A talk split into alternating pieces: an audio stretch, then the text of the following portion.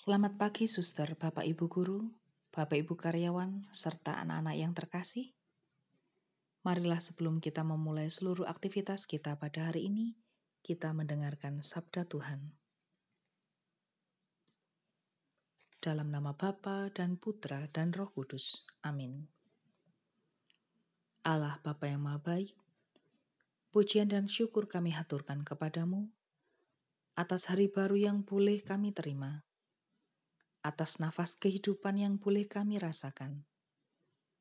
Setelah ini kami akan mendengarkan firman-Mu, kiranya Engkau membuka hati dan pikiran kami, agar kami pantas untuk menerima sabdamu dan melaksanakannya dalam kehidupan kami.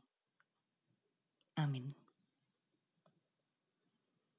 Bersabdalah ya Tuhan, hambamu siap untuk mendengarkannya. Inilah Injil Yesus Kristus menurut Matius. Dimuliakanlah Tuhan.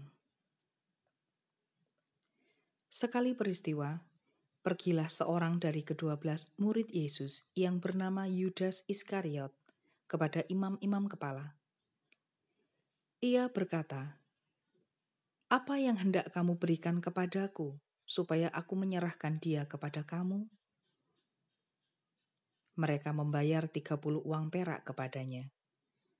Dan mulai saat itu ia mencari kesempatan yang baik untuk menyerahkan Yesus. Pada hari pertama dari hari raya roti tidak beragi, datanglah murid-murid Yesus kepadanya dan berkata, "Di mana engkau kehendaki kami mempersiapkan perjamuan Paskah bagimu?" Jawab Yesus, Pergilah ke kota kepada si Anu dan katakan kepadanya, Pesan guru, waktuku hampir tiba. Di dalam rumah mula aku mau merayakan Paskah bersama-sama dengan murid-muridku. Lalu murid-muridnya melakukan seperti yang ditugaskan Yesus kepada mereka dan mempersiapkan Paskah. Setelah hari malam, Yesus duduk makan bersama-sama dengan kedua belas murid itu. Dan ketika mereka sedang makan, ia berkata, Aku berkata kepadamu, sesungguhnya seorang di antara kamu akan menyerahkan aku. Dan dengan hati yang sangat sedih berkatalah mereka seorang demi seorang kepadanya, Bukan aku ya Tuhan. Ia menjawab, Dia yang bersama-sama dengan aku mencelupkan tangannya ke dalam pinggan ini, dialah yang akan menyerahkan aku. Anak manusia memang akan pergi sesuai dengan yang ada tertulis tentang dia. Akan tetapi, celakalah orang yang olehnya anak manusia itu diserahkan.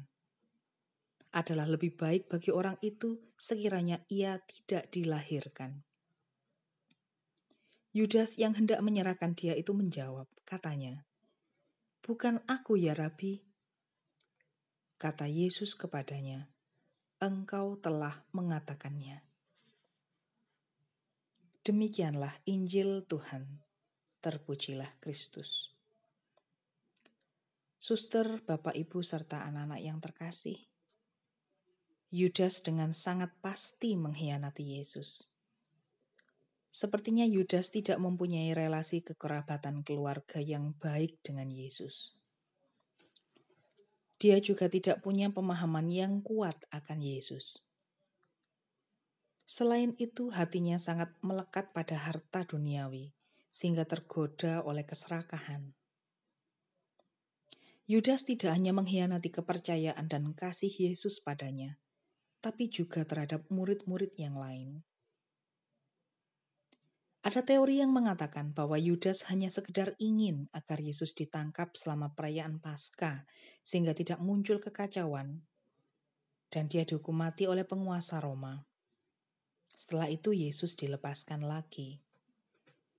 Tapi betapa menyesalnya dia saat tahu Yesus justru disalibkan. Karena itu ia membunuh dirinya sendiri. Oleh karena itu, marilah kita berhati-hati dengan uang dan harta, karena hal itu bisa sangat menyesatkan kita. Allah Bapa yang Maha Baik, Lindungilah kami dari sikap serakah dan tamak akan uang dan harta duniawi, yang akhirnya membuat kami menolak Yesus dan gerejanya.